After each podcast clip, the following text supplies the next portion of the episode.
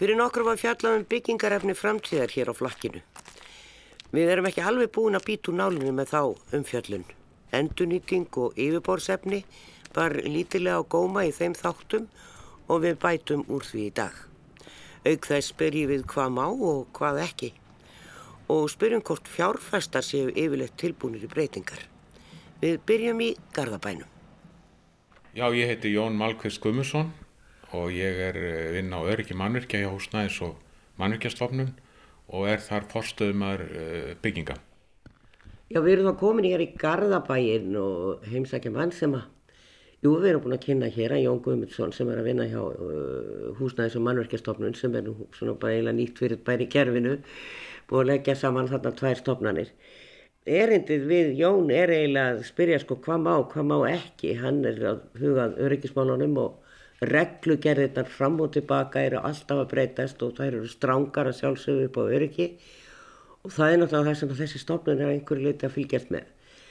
Ég sagði frá því hér að það, ég sá þátt í norska sjónvarpinu það sem var verið að byggja stó, mjög stóra blokk í held í Oslo sem að öll var gerður endur unnu efni og hann gekk hérna um húsið eh, byggingaverktakinn og syndi og bankaði í bæði veggi og glugga og golf og hurðar og allt sem inn í þessu húsi er jafnframt rafmagn og allt saman, þetta er allt endur nýtt. Eh, það er nú ekki margir að gera þetta hér, það er alltaf bæði vilja og, og bara frek í að fara í eitthvað slíkt, en við rýfum fjöldan allan af húsum líka sem að manni finnst nú stundum að séu alveg algjörlega óþörfa því að það er á að byggja eitthvað annað. Og, og svarið er nánast alltaf það er ódýrara að byggja nýtt heldur en að breyta gömlu húsi þó að það sé alveg heist e, maður er svona að hugsa um bara framtíðina og við erum búin að vera að tala um ný byggingarefni og annað. Leita aðilar eitthvað til ykkar til dæmis ef þú vilt á að rífa eitthvað hús og fólk kemur og spyrir býtum á ég nota það sem er nýtilegt inn í þessari byggingu áður hún er rifin. Hver, hvern er það? Er þá leitað eitthvað til ykkar? Já, ég hef starfað við þetta síðan 2013 og það, ég hef ekki fengið neynast líka beðni. Nei. Þannig að við reyndar ekki með stjórnvald byggingamála, það eru sveitafélagi. Já. Við erum meira svona haldið utan regluverkið og annað slíkt. En, en við höfum ekki orðið var við það að, að aðeila leiti til okkar varandi það. Þetta er eins og þú komst inn á að það er mjög líklegt að, að menn vilji bara rífa til að byggja eitthvað allt öðruvísi. Auðvitað er þetta nýta helling af uh, hlutum úr eldri húsum en það getur líka verið flókið. Það getur verið flókið nefnum Eh, yfirleitt ef maður rýfur, rýfur húsin þá ef maður getur nýtt eitthvað þá er það burða eða láta burðaverki standa og það er, það er náttúrulega fullt af húsum sem að hafa verið fengið endur nýju lífdaga. Við getum tekið hótel Marina sem var stálsmiðja. Hún var ekki rifin. Það þurfti að breyta ymsu ég kom að þessu verki uppalega sem verkvæðingur og við þurftum að, að styrkja húsið vegna jarðskjált og, og svona allt, allt þetta því. En kjarnin í húsinu var allir notaður. Þannig að þetta er til á Íslandi líka. Maður veit svo sem að það er verið að huga því þar sem það er hægt og það er í rauninni það er mjög þakklátt sérmaður hjá fólki þegar þetta er gert í staðin fyrir að rýfa og byggja nýtt. Það einhvern veginn verður já bæði er þetta umhverfisvætna og fólki verður hlýra til þeirra byggingar eldur en kannski endilega einhverja nýrar það, það er alveg rétt og og við verðum líka að hafa það í huga það er eins og þú komst inn á að, að við erum að upplifa nýja framtíð og hún er bara hinum með hodnið uh, á heimsvísu þá er byggingariðnaðurinn það er kringum 40%, 40 af kólefnisbóri og þá á ég við nýbyggingar og nótkunn á byggingunum. Uh, nótkunnin á Íslandi uh, skilur þetta sem minnaspor og ennþá minna ef að, að, að rávorku fyrirtækin hættan á að selja eitthvað mengunarkota úr landi. Mjög undarlega aðstafa eh, með því nú, nútíma hugsun og, og hérna en, en svona bygging á húsnæði það er talið að sér millir svona 20-30% af kólefnisbóri jarðarinnar, þetta er ekki smá þetta er ekki smá hlutur En það eru þá svona gegnum ykkur hjá húsnæðs- og mannverkastofnun ykkur skona reglugerðir framtíðarsýn sem segir við ætlum að byggja öðru í sig og við ætlum að þreyfa okkur áfram í því að byggja vistvarni byggingar. Er það komið inn í einhverja reglugerðir, lagaumkörfið? Það er ekki komið hjá okkur inn í lagaumkörfi. Það stendur endar í byggingarreglugerðinu okkar að menn eigi að nýta byggingarefni eh, eins og hægt er. Það er náttúrulega mjög opið. Ráðferðar nefnd Norðurlanda uh, sett á stað verkefni um þessi mál og við erum að vinna að framtíða sinni á samt finnum síum, dönum, grannlendingum og það er margt mjög spennand að gerast þar. Finnar eru konir mjög framalega og síja líka og þeir eru að dettinn með lög og reglur varandi þessa hluti mjög brálega og bara svo getið tekið til dæmi, hann sað okkur það á einu fundinum finski aðilum hérna frá ráðanitun umhverfisráðandun í, í, í Finnlandi að það kemi lög fljótlega allavega stærri byggingar. Það væri skilda að setja inn í, í tölvulíkan svona BIM líkan, Building Information System heitir það að framkantar aðalum að setja all byggingarefni inn í mótelið þannig ef það er að breyta húsnæðin eða rýfa þá er til staðar allar upplýsingar um það efni sem nota að vera í bygginguna og þá geta menn skilgreint hvað er þetta endurnýta sem dæmi. En þetta er á, þetta er á mikillir ferð núna þó að við séum ekki vari við það á, á gólfinu eða þá. En þetta tekur náttúrulega, þetta eru bæði rannsóknir og annað sem að líka baki þessu, eru við þá að í raunin að kaupa þær rannsóknir bara inn til okkar, það er búið að gera þær í Finnlandi, það er búið að gera þær í Svíþjóð.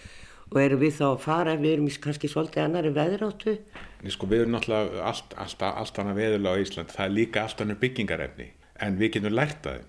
Og það eru, þeir, það eru þeir sem að er að setja lögi núna, það eru svíjar og, og finnar sem eru konir lengst að setja lagarsetningu varandi þetta.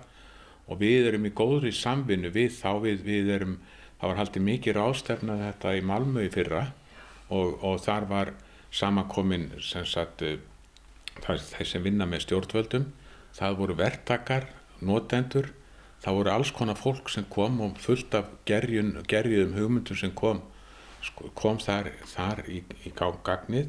Síðan er núna búin að vera að vinna svona vinnuhópur sem er sem sagt aðilar vinnumarkaðarins við og fleiri að, og við höldum fundir reglulega við kollegana úti í Skandinavíu og svo eru stjórnvöld við höldum fund við stóðst einu sinni í mánuðu þar segja að þetta er allt gegnum netið. Núna verður stór fundur í Kaupmannöfn í lok þessa mánar en hann er á netinu og það geta allir uh, farið á þennan fund ef maður vilja.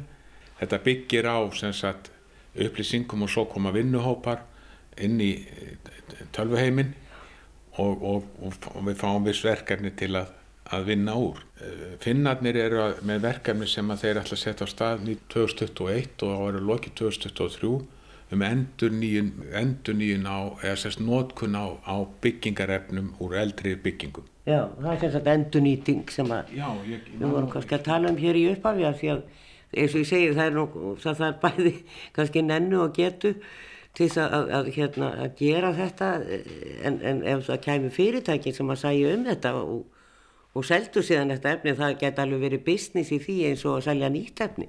Þa, það verður það í, í framtíðinni Já. og þetta, þetta heitir auðvitað bara circular economy á ennsku svo ég sletti nú. Það heitir ringrás í bara í rauninni sko. Ringrásar hagkerfi. Ég hef verið á fundum í Evrópu og þetta, þetta er allstaður núna upp á borðinu og þetta var ekkert fyrir einu, tveimur árum í umræðin einsinni þannig að það er mjög mikið að skeið núna í þessum málum. Serðu fyrir það nú ekki að kerfið oft svolítið svifasett að ef við ætlum að fara að ganga inn í einhverja svona reglugerðir og setja þær fyrir okkur og það tæki, já, hvað, langan, langan tíma eða hvað heldur þau? Það tekur auðvitað einhver tíma allavega að þetta er svona að byrjað örgla alltaf með einhverjum valkvæðum uh, hlutum fyrir aðila og leifa mennum að prófa því að það er eins og við töluðum um áðan það er náttúrulega það er náttúrulega ímis ljón í veginum. Hver á að geima efnið, hvenar er hægt að nota það?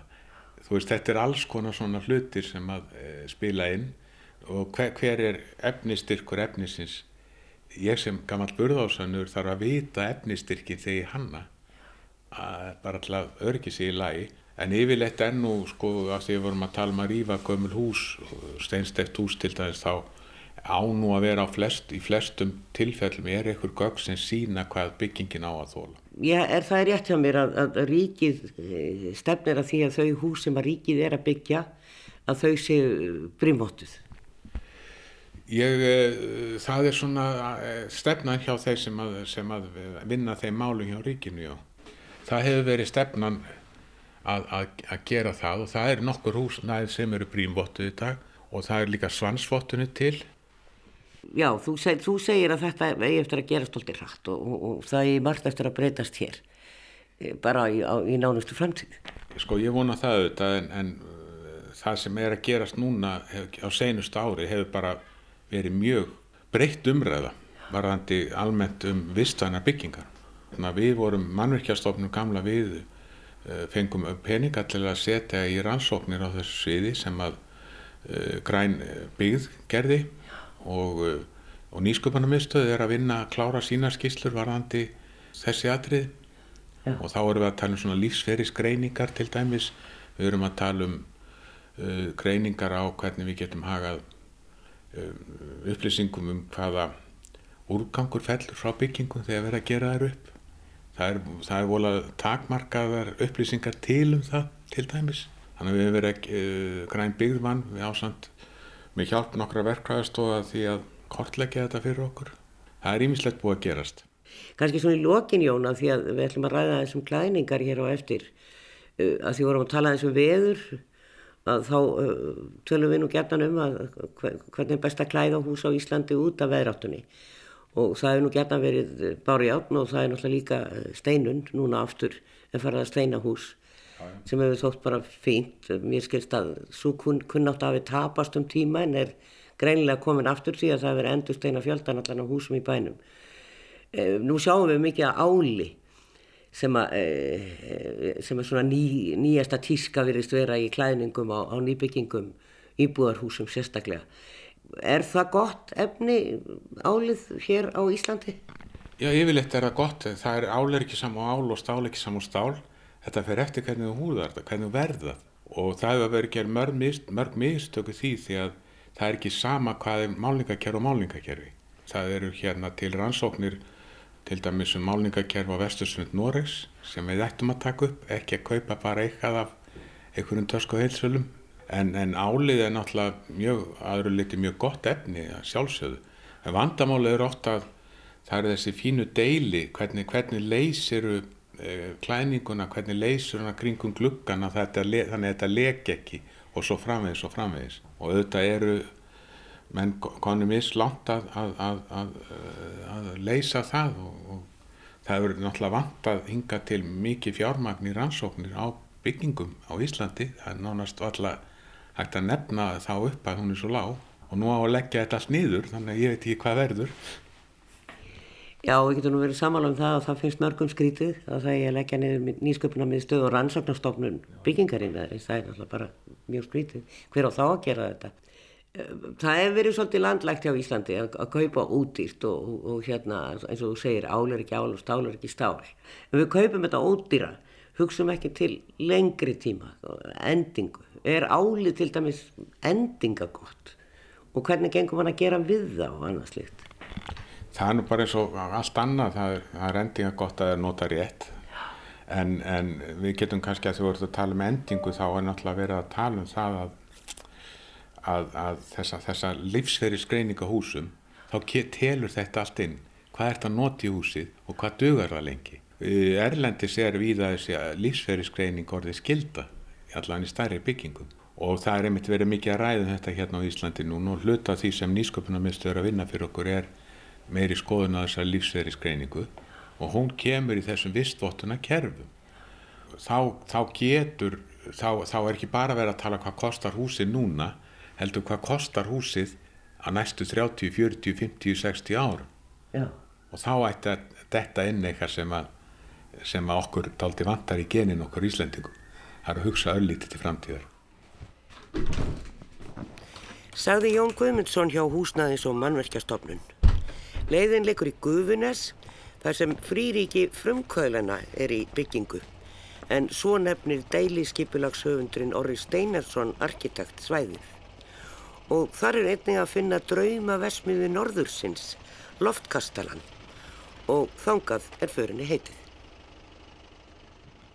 Já, það er nú ekki allir kannski eins æfintera gjarnir og Ingaló og Guðjónsdóttir og uh, Hilmar Páll Jóhannesson. Við erum komin hérna upp í Guðunes og hjá gamlu ábyrðavesmiðinni við erum svo sem fjallað um hluta til um þannan stað nokkur sinnum og sagt frá hannum. Uh, hér er ímislegt að gerast en þau eru kannski, er, þeir eru einu íbúarnir það ekki, hingalóa fastir eða hvað, eru fleiri Nei. íbúar komnir á sveðið? Gottur býr hérna líka. Já, hann er nú svo sem komið fram í sjónvarpi. Já, já, já. en við höfum ekki fengið að flytja lögheimilinga en þá. Þannig Nákvæmlega. að, hérna, þannig að það er vonandi á leiðinni að, að leysast úr því. En þetta er rosalega framkvæmt hjá okkur því að við erum nú bara hérna niðri núna á gólfinu í stærðarhúsi sem þið eru búin að kaupa og eh, er, hér eru náttúrulega bara græjur, allavega græjur sem smíða bekkir og, og ég veit ekki hvað, hefilbekkir og ég veit ekki hvað og hvað. Eh, Er þetta í nótkunn? Það, það er svo sem ekkit, ekkit allt komið í nótgun og ekki allir tölvustjóru vélunar og róbótanir og þetta kemur ekki fyrir við erum búin að koma lengra með húsin sko en þetta er í rauninni bara svona risa fablab, við getum gert hvað sem er sko, bara við dettur það í hug. Þetta smíða allt hérna. Fullt af timbri, fullt af hurðum, fullt af hér er allavega námlega gríðalegt geimsluplás og ykkar svona ær og kýr er að reyna að endurnýta eins mikið og hægt er. Já, það er svona hefur eiginlega þróast bara út í það. Okkur hefur fundist bara sorglegt að sjá eh, hlutum hent sem að eru í fullkomnu lægi og eru sem það sem er e, þetta gamla er vandaðara heldur en það sem verið er að selja nýtt í dag. En, en já, svo er alltaf við skulum ræðum það að við ætlum nú að fara hérna upp það sem að er svona búið að vinna meira. Þið eru eiginlega búandi svona bara í einhverjum krók hérna í allu þessu húsi og hafið setið á hakanum. Já, eiginlega. Það er svona, letum aðra ganga fyrir. En allt þetta timbur og þessar hurðar og allt það sem ég sé hér, alveg lengst sko eiginlega bara upp undir lofti, hvað eru margir metrar hérna upp í loft? Já, Þeir eru nú nokkuð margir. Til dæmis kemur þetta bara loft hérna, þetta kemur til dæmis bara á gamla héðinshúsinu. Þessi stíi kemur úr sparisjónum í Borgatúni og það er annar hinum megin úr sparisjónum í Borgatúni og eldalma hurðar og alls konar dót, þetta kemur bara hérðan og þaðan úr bænum sko. Svo notum við náttúrulega mikið af þessum hurðum líka bara í leikmyndir sko. Það er bara til að hurðum og gluggum og öllu. Það er stafla timbri hérna upp á Það miðjum vegg. Það er panel bara þannig, notaður upp á miðjum vegg og hérna upp úr öllu. já, Alveg við, við erum eitthvað nú að tekki sko, sem er gammal. þetta er ótrúlegt. En við skulum kíkja aðeins upp að þið eru búin að vera að vinna sagt þessa vinnustofan skott, sem það ekki rétt hjá mér. Við gerðum íbúð fyrir hann og hún er eiginlega allur úr endurinu. Við kemst í röllum bara yfir til hann. Svo getum við ferðið tilbaka.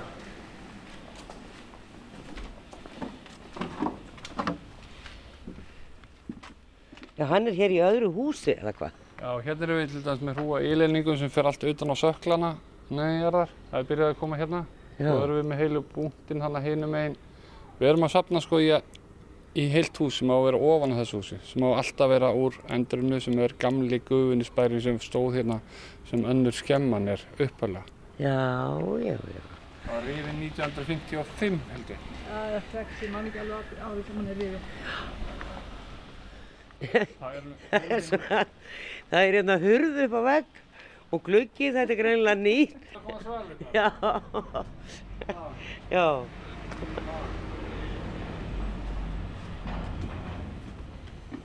Já, já, já. Já, sætt gottur. Já, hérna. Hér er þess að hinn hlutin af steganum, hinn hlutin af steganum úr Sparisjónum í Borgartóni eða, eða Arja, sem er Arja núna.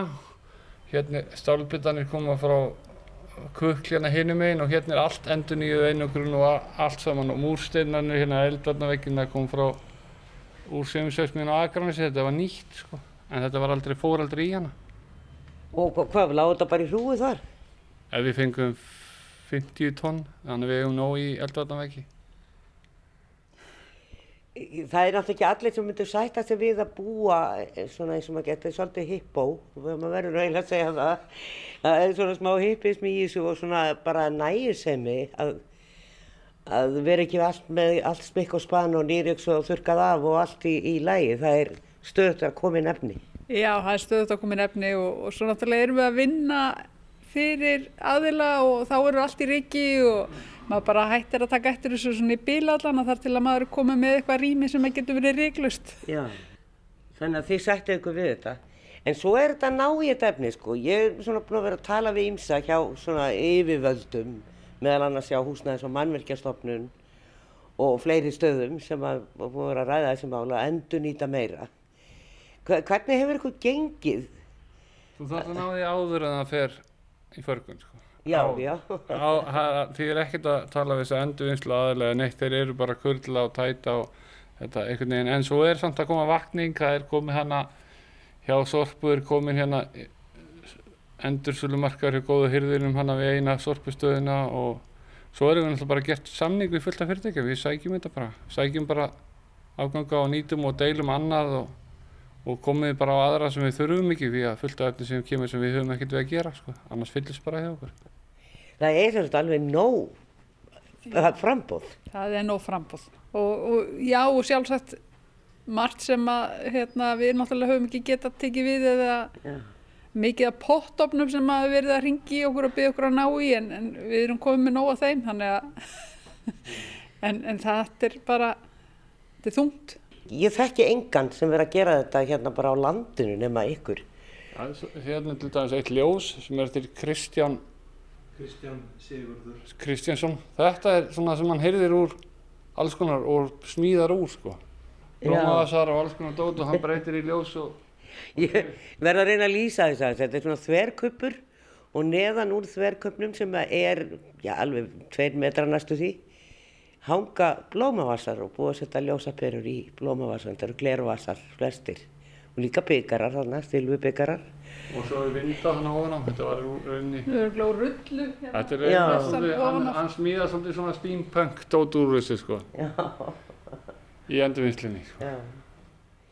En e, þið hafið, hafið þið sko, þegar ég var að spjalla við ykkur um daginn, þá voruð þið eitthvað að tala um að það væri, já þið verið bara að koma núna, við ætlum að rífa húsið á morgun og, og fara yfir allt, af því að þið voru þá að hyrða rafmagn meðal annars sem var ekkert mjög gamalt, Já, út á Seljavegi. Já, Seljavegi þá vorum við þar, þar í, í þeirri stöðu að við vorum beðin um að, að reynsa úr hæðunum sem var, er verið að breyti hótel í dag.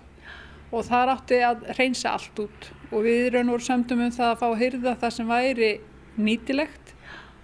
Og fengu þar á meðal fullt af ramastöflum, ramasköflum, klósettum, þetta var eh, bara, já, Komdu hérna með okkur Hilmar, því að þau eru alltaf talandi þarna einhverstaðar og bara það heyrir enginn í þér. Ef við kannski að færa okkur. Ég ætla aðeins að heilsa upp á gott, svo bara að spyrja hvernig þú líður hérna, þú ert búin að vera hérna í svolítinn tíma. Uh, já, hátt í ár. En sko, uh, þetta er náttúrulega eins og þú ert búin að áttaði á að þá er þetta ekki sko fjölskylduheimili. En við líka sem eigum erfitt með að þóla staðlaða lofthæðir, við sem erum meira svona fyrir að ná eh, andagift og sambandi við ykkur að herri, herri hérna inspirasjónir og innblástur, eigum við erfitt með að þóla 225.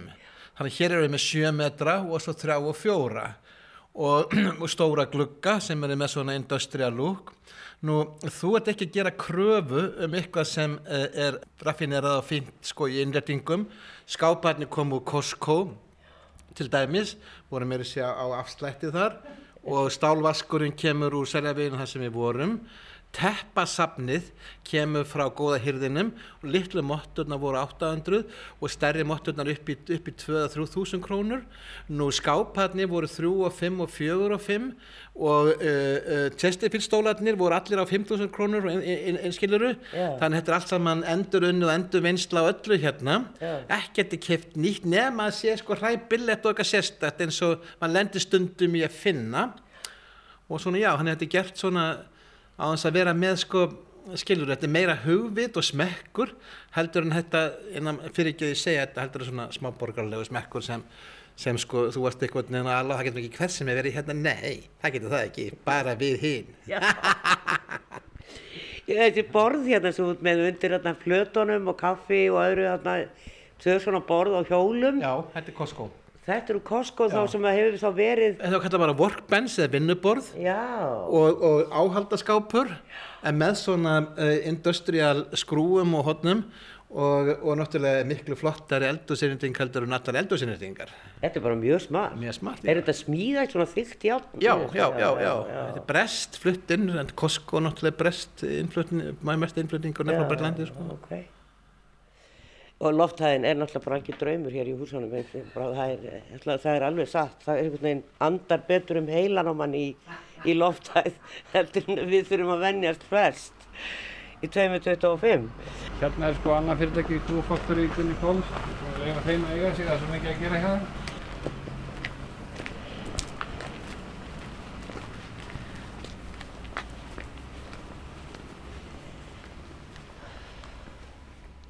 Sko ég uh, datt inn í einhvern þátt í sjónvarpinu daginn um uh, norska sjónvarpinu þar sem var verið að byggja bara, þú veist, margra hæða blokk, já, uh, stóra blokk. Ég held þetta hafi nú verið í Oslo og þar var hver einasti hlutur endurunnin. Og þetta var svona fólk sem var umhverfisvenda sinnar og annað sem var í þessum framkvæmdum. Og það var gaman þegar voru að ganga um húsið, gólfin, allt, það var alveg sama hvað var bent á, þetta var gluggarnir, allt. Húsið var bara endurbyggt, eða sem sagt nýtt hús Já. og allt endurunnið efni. Við ætlum allan að reyna að gera eitt húsi sem er að ferja hérna ofan á þakkið allt úr rendurinn, sko. Já. Þannig við erum alltaf að nýta hérna endalust í þessi hús og þetta er svo sem, þau eru nú 900 fermetra núna, sko, það er alveg nóg að halda áfram þó að við séum kannski bara búin að ganga frá um 200 og eitthvað, sko. Nóg eftir. Já, Já, þetta er ótrúlegt og hér eru fleiri hurðar Já. og búið að koma fyrir grilli þannig að það er hægt að grilla. Það var nú eini mitt sem hafði ágjör af því hvað á að geima þetta því þið hafið náttúrulega alveg svakalegt geimslupláss hérna já, meðan að ekki lengri að komi hér upp frá. Sumt að þessu reyndar þarf að komast inn fyrir veturinn. Já, það er líka sumt sem maður getur ekki tekið við núna því að maður getur ekki geimt það alls sko, maður er spurningum að safna ekki á miklu sko. Það er frekar það sko, það er bara, við höfum ekkert að gera við meiri í bíli, við þurfum bara að halda að vinna úr þessu. Nákvæmlega. Já. Þannig að það þýðir ekkert að ringi ykkur núna. Það verður Ef maður einhver, einhver með eitthvað spes. Það verður eftir hvað það er. Á töfra maður fram, framplás. Já, eða beinir í annað sko, við höfum alltaf bara beint í annað sem við höfum ekkert við að gera sko. En þetta gæti alveg verið business. Er það ekki? Að selja bara endurunnið efni þegar maður er búinn að hýrða Ég þetta? held að það er oftast miklu meiri vinna að vinna við endur í efni heldur en þetta nýja sko. Þannig að þetta kemur svona svipað út. En þú fær miklu meiri karakter úr þessu gamla. Gamla sögu, þetta efni sem við erum að nota. Eins og þetta tekk sem hann var að segja við ættum að upp í hillu. Þetta er úr bát, gömlum já. bát. Við réttum það af, sko, svo byrjuðum við að þurrka það aftur. Já. Hvað er hann uppi? Þannig er 7 metrar viðbúð fyrir ofan þessa hæð. Þannig á íbúðun okkar að koma. Hún á að vera hann uppi og Já. núna er þetta bara dótar eitthvað. Bara eiginlega, þetta er eiginlega bara tómt sko. Já. En það er 7 metrar viðbúð þarna fyrir ofan eftir þessa nýju sko. En þetta er nú einhver smá stigar að fara upp ef maður ætlar að búa hann uppi. Ja, það verður, ingangurinn verður sér sko. Við getum ekki búið endalaust með á sama stað og vestað. Nei. Það eru náður á skipulagi hjá okkur, þá er nýr engangur sem kemur utan á húsi hérna inn í portinu. Þannig að, og þar náttúrulega kemur líka lifta út af því að þetta á að vera svona almenningsrými, þetta hús sem verður sett hérna upp á minnahúsið sem að uh, verður gert úr endurunna efni. Það, það er opið fyrir alla sko. En það er, er fólk komið, af því að nú veit ég að borgin var að bjóða þessi hérna í stóra skuldstofuhúsinu, var að bjóða listamennum, vinnustofur og, og öðru fólki, rítöndum bara allavega fólki, sjálfsagt. Já, Er komið fólk þar inn? held að það sé að gerast núna bara í september. Já. Það verður þá að fínt að miðla fullt af efni þangað. Ég hefst að ég veit ekkert af að koma í þangað yfir þá ef að fólk er, er meira sko. Því að við höfum ekki við að gera meiri bíli en þeir þurfa að fara að laga svona hús sem líta svipið út sko. Það ég hefst að þetta verður mjög skemmtilegt þegar ég veit að það kom, komur örgulega sko á annað hundra manns hérna bara í september í hverfið. Þá verður komið meiri stemming sko. Hvernig skipilagiðu daginn? Maður hugsa bara, ok, þið vaknið og það er bara, þú veist, það það er einhvern veginn, þegar það er orðið drasl heima hjá manni, sko, sem að manni finnst stundum óeyfistíganlegt af því að maður verður að taka til, maður er búinn að slugsa í einhvern tíma og þá sá, ok, ég byrja bara þarna í þessu hodni, en, en þetta er kannski svolítið meira að plana. Sko, þe- Þetta er mottoð okkar er bara, þetta er eins og að borða stóran fíl, eitt bit í einu. En Við byrjum alltaf í morgum að fara bara með leikmynd upp í Gerðuberg sem er út af einni bók. Bókinu um Víktis Fimbulum, hún fór hérna út í morgun. Þar áður þá vorum við að koma efni fyrir, við vorum að gera klæninguna á gamlu djúbúðaskirkju. Svo fórum við frí og hérna Og svo er núna bara er spurning hvaða verkefni við ræðum upp, svo við, svona, við þurfum náttúrulega líka að halda okkur á floti, ekki bara að vinna í húsanum. Sko. Já, þau verður náttúrulega að fá einhvern öðrun. Já. Já. En við eftir að vinna meira fyrir meiri að klæningum og alls konar dóti fyrir djúbóðskirkju og svo erum við hérna að reyna að klára að ganga frá einhverjum hurðum sem eiga að fara í húsið og svo koma, eru fleiri leikumyndaverkefni bara detta inn sem við þurfum bara að vinna í. Finnst þið ykkur svona í lokin að þið hafa hefur höndur tekið að hafa komist hingað upp til? Þetta er náttúrulega búið að vera svona, þetta átt að ganga miklu hraðar. Þetta reynir alveg á taugan að halda áfram með þetta sko. Sumir eru örgulega búin að gefast upp sko. Hvar bygguð þið áður? Selja við. Selja við. Já. Bara í venjulegri íbúð með Nei, tvo- nei, 225? Nei, nei, nei, nei. Það er svo fyndið, við megum ekki færa lögumili en það er búið að rífa húsið sem við byggum í samt sko. Það er mjög að fyndið, það er ekki til eins og sko. Þannig eru kerfiskallarinn að fara með sjálfan sig sko. Hvernig koma göttun upp hér og þið getið skráð ykkur? Herðu, það er komið götunar. Þetta, Hvað heitir gata? Nú erum við í Guðvinnisvegi 34. Já, hún heit, þetta heitir Guðvinnusvegur 34. Já. Þannig að það líður að þessu. Já.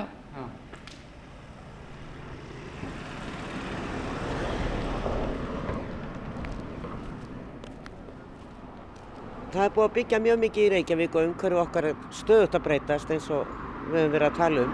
Svo er það spurningum hvernig við förum að þessu öllu saman, hvort við þurfum ekki að breyta aðeins áherslunum. En svo er líka spurningum hvernig á þetta nú allt saman að líti út. Teknistofan Stika fekk nýveri rannsóknarstyrt til þess að rannsaka sko yfirborð á húsum hér í, já, í Reykjavík á Íslandi.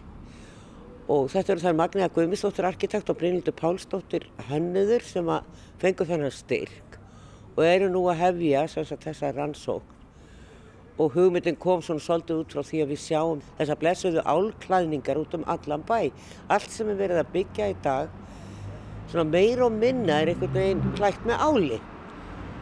Við töltum það upp eftir hverjaskötunni og og erum hér við uh, nýbyggða lóð þar sem að fólk er nú flutt inn. Hér er komið veitingastæður sem heitir Júsú og svo er innan gengt hérna eða undirgangur hér eh, frá hverfiskötun og upp á laugaveg og það er byggt inn á baklóðina og báðu megin sem sagt hérna við hverfiskötu við þessi undirgöng. Svo fólk átti sig þá er gamla forbókabúðin að spraga hérna nýra á hotnum við klappastík. Við erum semst aðeins fyrir ofan það hotn. Og hér standum við hús sem að, þetta er íbúðarhús sem að snýr hér út á göttunni, neðstu hafði þetta til leigu, þjónusturými og það er sem sagt komin eitt veitingastæður og svo er ekki meira komið en hérna sjá hvernig það fer. En það er allavega gestir hann inni þannig að fólk er búið að átt að segja þessu. Eh, Það er timbur hérna utan á e- einu húsinu og svo er ál og svo er steipa og eitthvað stál. Þetta er svona blandað og þetta er, sko það er ekkert verið að plata hér að þetta sé eitt og sama húsi. Þetta eru tvö hús, tvö íbúðarhús með sikkurt innganginn.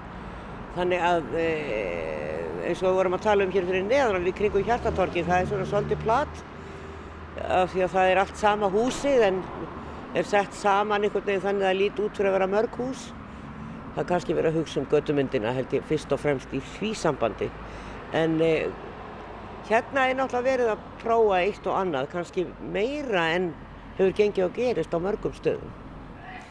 Já, þetta er sko, við höfum verið að skoða þetta svolítið út af þessu rannsóknarefni og við erum náttúrulega arkitekt og þetta er svolítið vinna mín að hugsa um þessi eh, ásýnd húsa og hvernig þetta virkar svona í borgarrýmunu og ég til dæmis með hóteli hérna fyrir neðan okkur á hverjaskötunni, uh, þar er svolítið verið að feika gömulhús og feika það, þetta er í rauninni einn bygging en hún er látin lítið út fyrir að vera margar. Og mér, mér finnst einhvern veginn það ekki rétt. Mér finnst það vera einhvern veginn yrði sannara á einhvern hátt ef að þetta yrði bara einn bygging en svo má gera uppbrott og láta það falla að götumyndinni á alls konar annan hátt. Og mér finnst eins og kannski hefur tekið á hverju svona stittri leiðina þarna vinnan, þú veist, það hefur bara verið að endurgera það sem var þarna fyrir en samt bara í útliti en það er ekkert annað við þessa framkvæmd sem er gamalt, ekki neitt Nei. þannig að það eru bara dregnar einhverja línur og la- la- málaðir í sikkurum litum þannig að minnst það vera svona kannski ekki unnið nógu vel og það hefði mátt hérna, taka það lengra og bara reynd að gera þetta hús á sínum forsendum, ekki forsendum eitthvað sem að var þarna einu sinni og er löngu búið að rýfa. Og auðvitað forsendum umhverfisins líka. En það eru náttúrulega húsarnir á milli á þessum reit svo við höldum aðeins áfram með hann sem að eru gömul og voru gerðu upp meðal annars upp fyrir laugavegin og held ég eitt eða tvö þarna niður við hverjuskötuna sem eru síðan bara tvinnuð inn í nýbyggingar sem að líta þá út eins og gamla húsið sem var þarna. Ég, við getum alveg verið ósamála um þetta einhverju leiti. Já, það er bara, það er bara holdt. Já, sammála um að vera ósamála. Þetta er svona eins og fólk deilir um, um aðalstrætið og, og, og uppsali og það sem var byggt þar og fjallaköttin og annað sem að er náttúrulega all þau húsa löngu búið að rýfa og þar var endur byggt í gömlum stíl og, og svona látið lítið út fyrir þess að þetta séu eldri hús sem þau eru ekki. En mér langar samt að koma fram að ég held að í grunninn erum við sammála en mér finnst að það mætti gera betur og það, það ætti ekki að vera aðeins um svona, ef ég tek innan gæsa þetta er svolítið lígi eins og þetta er í dag. Þannig að í grunninn held ég þessum það ætti að fara aðra aðferð. Það eru margir sem segja það, hvað segir þú? Við erum nú komin hérna inn á reytin og það er einhvern veginn allt, allt öðru sem umhórs. Já, sko, mér finnst þetta svona, það sem ég hugsa sem hönnur er ég svona að vinna með efnin og pælir í hvaðan koma efnin og hvernig lifa efnin og það sem ég finnst svona erfiðast með þessar álklæningar er svona tíminn í þeim. Þú veist, hvernig lagaru álklæningu? Það ertu bara að panta nýtt eða, og svo bygglast þær, mér finnst svona einhvern veginn hús lifa í tíu ára og maður er alltaf að laga og maður er alltaf að bæta. En einhvern veginn álklæningunar eru svo mikið dauði. Þar gera einhvern veginn, þú veist, þú kemst ekkert í að laga þær. Nei, það finnst kemst það ekki í húsið. Nei, Nei. og það eldist einhvern veginn ekki og það verður einhvern veginn ekki. Mannshöndin er einhvern veginn farin frá því og þetta er eitthvað svo eitthvað svona ómannlegt sem finnst pínu sorglegt Svo talt aðeins hérna lengri inn á reytin, þetta er, hér er allt hvít, málað, þýnist mér, já, þetta er bara málað. Húsin eru bara hvít, sem er kannski ágætt hér að því þetta er inn á lokuðu reyt, það byrtir yfir reytnum. Að hafa þetta ekki í einhverju dökku álega eins og mörg hinn húsin hérna. Já, byrtu skilur er náttúrulega svona grundvallar atrið í gæði byggðar já. og þetta er svona frekar þröngur gangur hérna á milli húsana kannski þá hérna hjálpar þessi hvítamáling og hérna sjáum við einmitt steipuna og það er bara svona allt önnu tilfinning og allt í önnu steipanorðin hlýja efni því umhverfun okkar þegar allt þetta áli komið. Að, hérna, og mér er skaman við steipuna þetta er eitthvað forsteiftar einingar örglega en ma- maður sér svona efnið, maður sér hérna för eftir mótinn og, og hvernig þetta er sett saman og svona. Og minnst það sem að gefi mér svolítið mikið í svona byggingum er að maður getur svolítið lesið í umhverfið sitt. Maður getur lesið í hvernig þetta var búið til og hvaðan efni kemur kannski og hvað er fyrir innan maður svona ímynda sér í, í forminu og svo framvegis. En að því sögðu þá er ég ekki bara hérna alfarið á móti áli. Ég held bara við séum svolítið að læra kannski að nota. Ástæðan fyrir rannsóknarverkefnin okkar er að ok, manni fannst einhvern veginn allt í einu bara ótrúlega mikið að byggingum verið að rýsa og allar álklædar, svolítið allar eins og enginn er einhvern veginn að tala um það og það varð, allt í einu varð bara þessi breyting. En enginn, ekki nú mikil allavega umræða um það. Og hérna, og svo þegar maður fyrir að skoða þetta betur þá eru álklæðningar náttúrulega bara alls konar og ég, ég fór að hugsa um dæmi þegar steipan kom fyrst til Íslands og allir fóru, fóru að nota hana, þetta frábæra efni.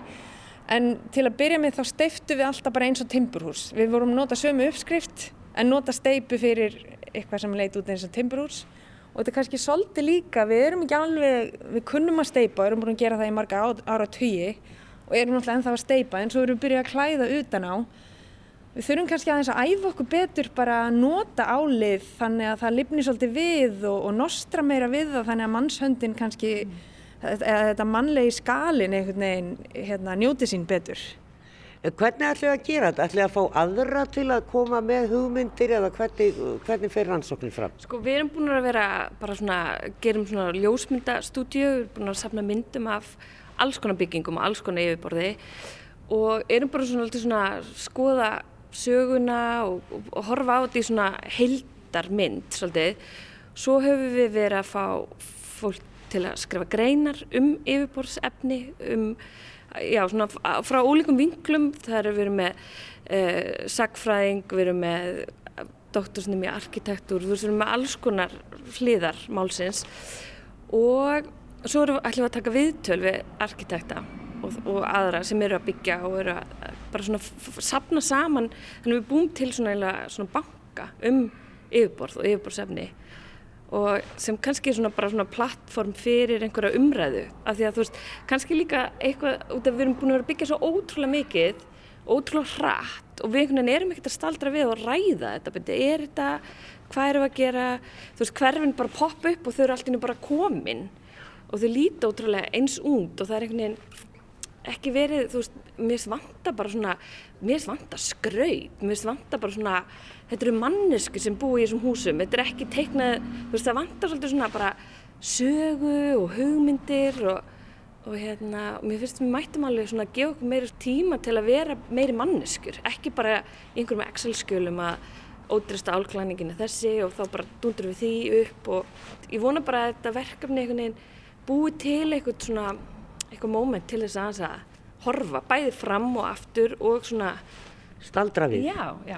Staldra við, það veikt ekki afstundum, mann finnst þetta ganga mjög hratt og við getum svo sem verið saman um það þessi nýju hverfi sem hafa verið að rýsa þau eru stalluð hús eh, mishásamsett og með mismunandi álklæningu og jú, svo sjáum við reyndar svona þessa fjölbreytni sem maður getur talað um það steipa, tympur, ál og, og steiftar einingar eins og við sjáum hérna, þetta eru allt saman einingar hús held ég. Já. En það er vist umhverfisvætna að setja, byggja einingar húseldur en að steipa á stænum. Já, það hefur einhverja kosti en líka held ég ókosti. Það er svona kannski minni sveianleiki í því og, og hérna, mér finnst það mjög spennandi form og, hérna, og það er eitt af því sem maður þarf bara að þróa áfram og, og prófa og svona hérna að stopp ekki heldur getur það gefið okkur einhverja nýja eiginleikar sem við gátum ekki áður til mhm. dæmis og, og mjög gott ef það er sparar því hérna efni til dæmis og það sem frá fellur og svolítið á yfirlt á byggingastöðum en inn í vesmiðu þá getur við svona stjórnaði betur og nýtt efni betur. Ætlið að vera, hafið ykkur að dagsetningu sem að þetta verið tilbúið fyrir að gera heimasíðu eða, eða hafið ótakmarkaðan tíma? Já, mér finnst þetta ætti að halda áfram bara um ókomna tíð nánast. Þetta, þetta svona, þessi umræða um kannski arkitektur, hún er bara stöðugt þörf á. Uh, við erum að setja bara vefsíðuna í loftið núna þessa dagana yfirbor.is og svo ætlum við bara að bæta inn efni eins lengi við nennum sko. Já, já. Þetta er eilíðar. Þetta er eilíðar. Og fleiri með að koma og taka þátt í og setja inn og já. koma með spurningar og, og leggja til. Algjörlega. Og við viljum einmitt, við erum að safna efni frá fleiri, fleiri og bæta við greinar og, og hérna, já. Sjónarhóttnum. Já, algjörlega. Sögðu þar Magnæða Guðmundsdóttir arkitekt og Brynhildur Pálsdóttir hönnuður á teknistofinni í Styku. En hvað skildu fjárfestar vera að hugsa í þessu málum? Þeir hafa á stundum haft orð á sér fyrir að vilja byggja hátt og ódýrt og leia dýrt. Við heimsækjum reygin fæstegnafélag hér í lokin. Það gerist freka lítið í uppbyggingu og eh, framkvæmdamálum ef að framkvæmdar aðilar eru ekki tilbúinir að breyta kannski um stíl og fara að byggja á annan hátt og vera umhverjusvætni og leggja áherslu á það. Ekki bara svona spari heldur gera það að stefnu fyrirtækja. Reygin er eitt af stærstu fastegna fyrirtækjum landsins og eiga fjöldabygginga á meðal annars smáralindin og við erum komin hingað í smáralind þar sem að skusta á reygin sér og það er framkvæmdastjóri Helgi S. Gunnarsson nú hafið þau fengið votun til dæmis hér á smáralind og ég hugsa að það er svona vefjast mörgum, fyrir mörgum að skilja hvernig maður fær votun svona mörgum árum síðar, það er langt síðan þetta hús reys. Já, það, það er, við fengum þessa alþjóðlega votun sem er brem inn í hús og þetta er, er votunar fyrirbæri sem er, þú getur vottað bremvottun fyrir ný verkefn og nýja byggingar, þú getur vottað fyrir byggingar sem eru rekstri eða þú getur vatn fyrir byggingar sem er að fara í endur byggingu og þetta er allt eh, svipu ferli og það er tekið á öllum þessu þáttu sem skipta máli í með, til, til umhverju sjónamiða til dæmis, það er tekið á því málum hvernig eh, orkunótkun hjá okkur, efnisnótkun, umferðamálum, aðgengi, bílastæðamálum, hvaða, hvern, hvað við bjóðum til dæmis leigutökum og gestum varandi hlæðslu, hjólageimslu og alla þessa þætti. Og þetta er búið að vera mikið ferli, hefur tekið okkur tvö ár og við erum búin að fjárfæsta alveg gríðarlega mikið í tengslu við þetta. Til dæmi skipt út öllu ljósum, leddljós í allt húsið og þegar við erum að tala um 60.000 fermetra byggingu þá er það svolítið mikið skiptum störtuhausa, breyta salernum og veit ekki hvað og hvað Já. þannig að þetta er já, búið að vera mjög mikið reynsla að fara gegn þetta verkefni Já. og að, að þessa reynslu munum við síðan búa núna þegar förum í, í ný og breytt verkefni Eh, þetta var náttúrulega ekki upp á borðinu þegar þið byggið smánalind á sín tíma. Var einhver þá að hugsa um uh, sko bremvottun sem að menn er að sækjast eftir í dag? Nei, ekki, ekki á þeim tíma. Nei. og það er langt síðan að mann ekki að byggt. Og, en samt er náttúrulega svona bygging eins og þessi, hún náttúrulega er það er lagt mikið í þetta upphæði og mjög vöndu bygging. En þetta hefur svona bygging og einnig frágangur eitri í sin líftíma. Og, það, og mikið af rýmum var komið á tíma svona vestlunarmistu og svona bygging þarf að endur nýjast á, á 10-20 árum allt saman og þetta var bara hluta þegar ferli Fastegnamarkaðurinn og svona uppbygging og þetta sem að fjárfesting í fastegnum, þetta er alltaf samkeppis fyrirkomulega og menn er að, að, að það eru mörg stór fyrirtæki sem eru á, á markanum og býtast á um verkefni, jafnvel. Hver er staðan hjá reygin til dæmis í, í að bara hreinlega skipta um byggingarefni? Nú hefur við verið að fjallum missilinsveppi og hamp og blöndu af því við hefum verið að tala um eh, svona kurl, eh, steipukurl sem er í svo kallum pakóhúsu sem eru flutt hér inn og byggði kuppum og náttúrulega timburhús sem er þegar byrjað að byggja og, og, og svona minni hús sem er úr, úr svo kallu CLT heitir það ekki, þetta er límtri og uh, sem að er talið um hverfisvætna. Hver er ykkar stefna? Er, eru menn tilbúinur í að fara að hverfa svolítið frá steipunni? Já, við, við erum algjörlega tilbúin til þess að fara, fara í lausnir efni sem er, er umhverfisvætna og til dæmis við höfum sett okkur sjálfbærðistefnu sem búið að vera hjá okkur í tvö ár og hlut af henni er þessi, þessi umhverfistáttur sem er að minga kólefnisfótspor ekki bara í nýbyggingum og ekki bara í rekstri, heldur einni þegar að byggingin er búin að sko lifa sitt æfiskeið og þarf að fara í endurnýtingu. Og þetta er mjög mikilvægt að hafa, hafa í huga þegar er ný verkefnir hönnuð og þegar er endurbyggja. Og við erum algjörlega tilbúin til þess og við sjáum það að þetta er hlut af, af markasetningu og við teljum að þetta sé sko sé þetta að fara í hafkvæmurlusnir Já. til dæmis við nefndi með Smáralind þess að byrja með júsvottun við erum búin að ná þeim árangri að við höfum lækkar ekstra kostnað um 20% bara í þessu ferli. Já. og það eru sko gríðanlega tölur. Menn hafa yfirleitt svona skotið því fram að þetta verður miklu dýrara og, og þá segja nú aðrir umhverfist vendar sinnari að það verður kannski dýrara í upphafi en, en viðhald er minna.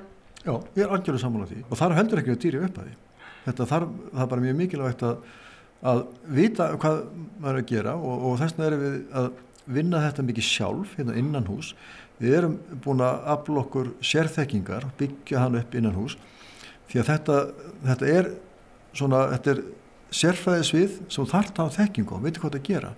Þess vegna er mikilvægt að gera þetta hægt og bítandi og bara ná í þessa reynslu og læra því þetta er framtíðin. En hvað með endurnýting á efna, því við erum nú að fjalla um það svolítið í þessum þætti, að, að, að, að það er rifið og búið að vera núna undanferðin ár, þá hafa mörg hús fyrir rifin sem að maður svona einhvern veginn hefur staðið fyrir fram og sagt hvað er eitthvað að. Er eitthvað að þessu húsi? Að okkur er verið að rífa það? Og því hefur bara hreinlega verið fargað í flestum til, tilfellum. En svo eru ein, nokkrir einstaklingar sem eru farnir að svona reyna að ná í efni og hyrða efni en, en það er ekki svona skipilagt. Nei, það sem betur fyrir er einhverjir að hugsa í þá átt og það eru mikið verðmætti í byggingarefni sem er verið að rýfa og nöðsöglegt að finna leiði til þess að endurnýta það. En alla reglugerðir og umgjörð er mjög erfið út af kröfum um, um vottunefna og þú rýfur það á einu stað alltaf nota á, á öðru stað þá er það ekki lengur vottað eins og við teljum það. En hins vegar þá höfum við pröfað svona ýmsa þætti. Við höfum tekið hurðir og ljós og lagnaefni og endurnýta og bara með alveg ágættum árangri og að pröfa og, en, en síðan alltaf eru aðeinar svo, svo ofinbæra aðeinar sem gera kröfu til dæmis þegar við erum bjóð út leigusamninga gera kröfu vottun efna og þá náttúrulega er ekki hægt að fara þessa leið Nei. sem er kannski skiljanlegt að mörgu leiti því þetta er, þetta er svolítið flókið þessi vottun á byggingarefnum er svolítið flókið fyrirbæri. Mm. Nú er það uh, svo eins og Jón Guðmundsson segir frá í þessum þætti að það er svona stemt að því hjá yfirvaldinu að, að, að skrá allt byggingarefni í nýbyggingum. Og þannig að það er þetta var notað og þetta var notað og, og þetta var prófað og svo var þetta notað. Þannig að þegar að húsið er mögulega að þá, þá eru til allar upplýsingar um það efni sem var notað í húsið. Þetta er náttúrulega ekki hægt ef þú ert að nýta efni úr kannski 50-60 ára gannu húsi Nei, ekki svo gömlu, en sem dæmi núna, nú erum við að, að rífa hús að hluta sem við ætlum að endurbyggja og leia vegagerðinni inn í, í, í Garðabæ. Og hluta þessu húsi eru, eru þakeiningar, burðaviðir, límtré og þetta erum við að endurnýta, söndu verktaka sem getur endurnýtt þessa hluti. Og en hann getur ekki gert það nema endurnýta í ákveðnu verkefnum og þessi hlutir eru framleitir af fyrirtæki sem er að þá til og eru þar ennandi viðukent byggingarefni. Og það er alveg í svona verkefni sérmaður það eru fullt af möguleikum. Mm. og þetta þarf að, ég er algjörlega sammála þessum aðlun sem eru, eru að segja að þurfa að skrá svona byggingar hlut og efni. Og þetta þarf að vera hægt að gera. En svona kannski í lokin, hvað, hvað segið þið um að, að sko, þessar nýjungar eins og við höfum verið að fjallum og maður setur svona svolítið gapandi yfir eins og hampinum og mittsilinsveppunum en er gríðalega stert efni. Hampur er virkilega sko, stert efni. Og sömulegis þessi sveppir þetta hefur verið prófað. Og þetta er, sem sagt, þú getur eiginlega bara rækta byggingarefni inn í næsta húsi, sko, sveppina. Og verið með akur af, af hampi. Og svo var verið að vinna með trefjar og lúpínu og eh, svona ímis önnur byggingarefni. Skoðið þið þetta eitthvað í svona stóru fyrirtæki eða reynið þið bara að vera inn í eins og bremvotturinni og halda áfram að vinna eftir því? Nei, við erum alveg tilbúin til þess að skoða nýjungar og svona fyrirtækis okkar sem er stort og upplugt, það á sjálfum sér að taka þátt í þessu. Það er svona samfélags skilda og hluta þessari, þessari uh, stefnu okkar að taka þátt í svona verkefnum. Svo að bæta við til dæmis, menna það er eins og vikur, menna við hefum fullt af vikri hérna sem hefur verið lítið nýttur í byggingum og það eru, sko, eru mörg tækifæri. Þannig að þetta er eitthvað sem að við erum forvitnir um og skoðið og eldið svona rannsóknir mögulega. Já, við algjörlega, við, við erum tilbúin til þess Já. og eigum að vera það. Saði Helgi að Gunnarsson framkvæmdastjóri Reyins og þar með segjum við þessari umfjöllunum byggingarefni framtíðarinnar lokið í byli. Verði sæl.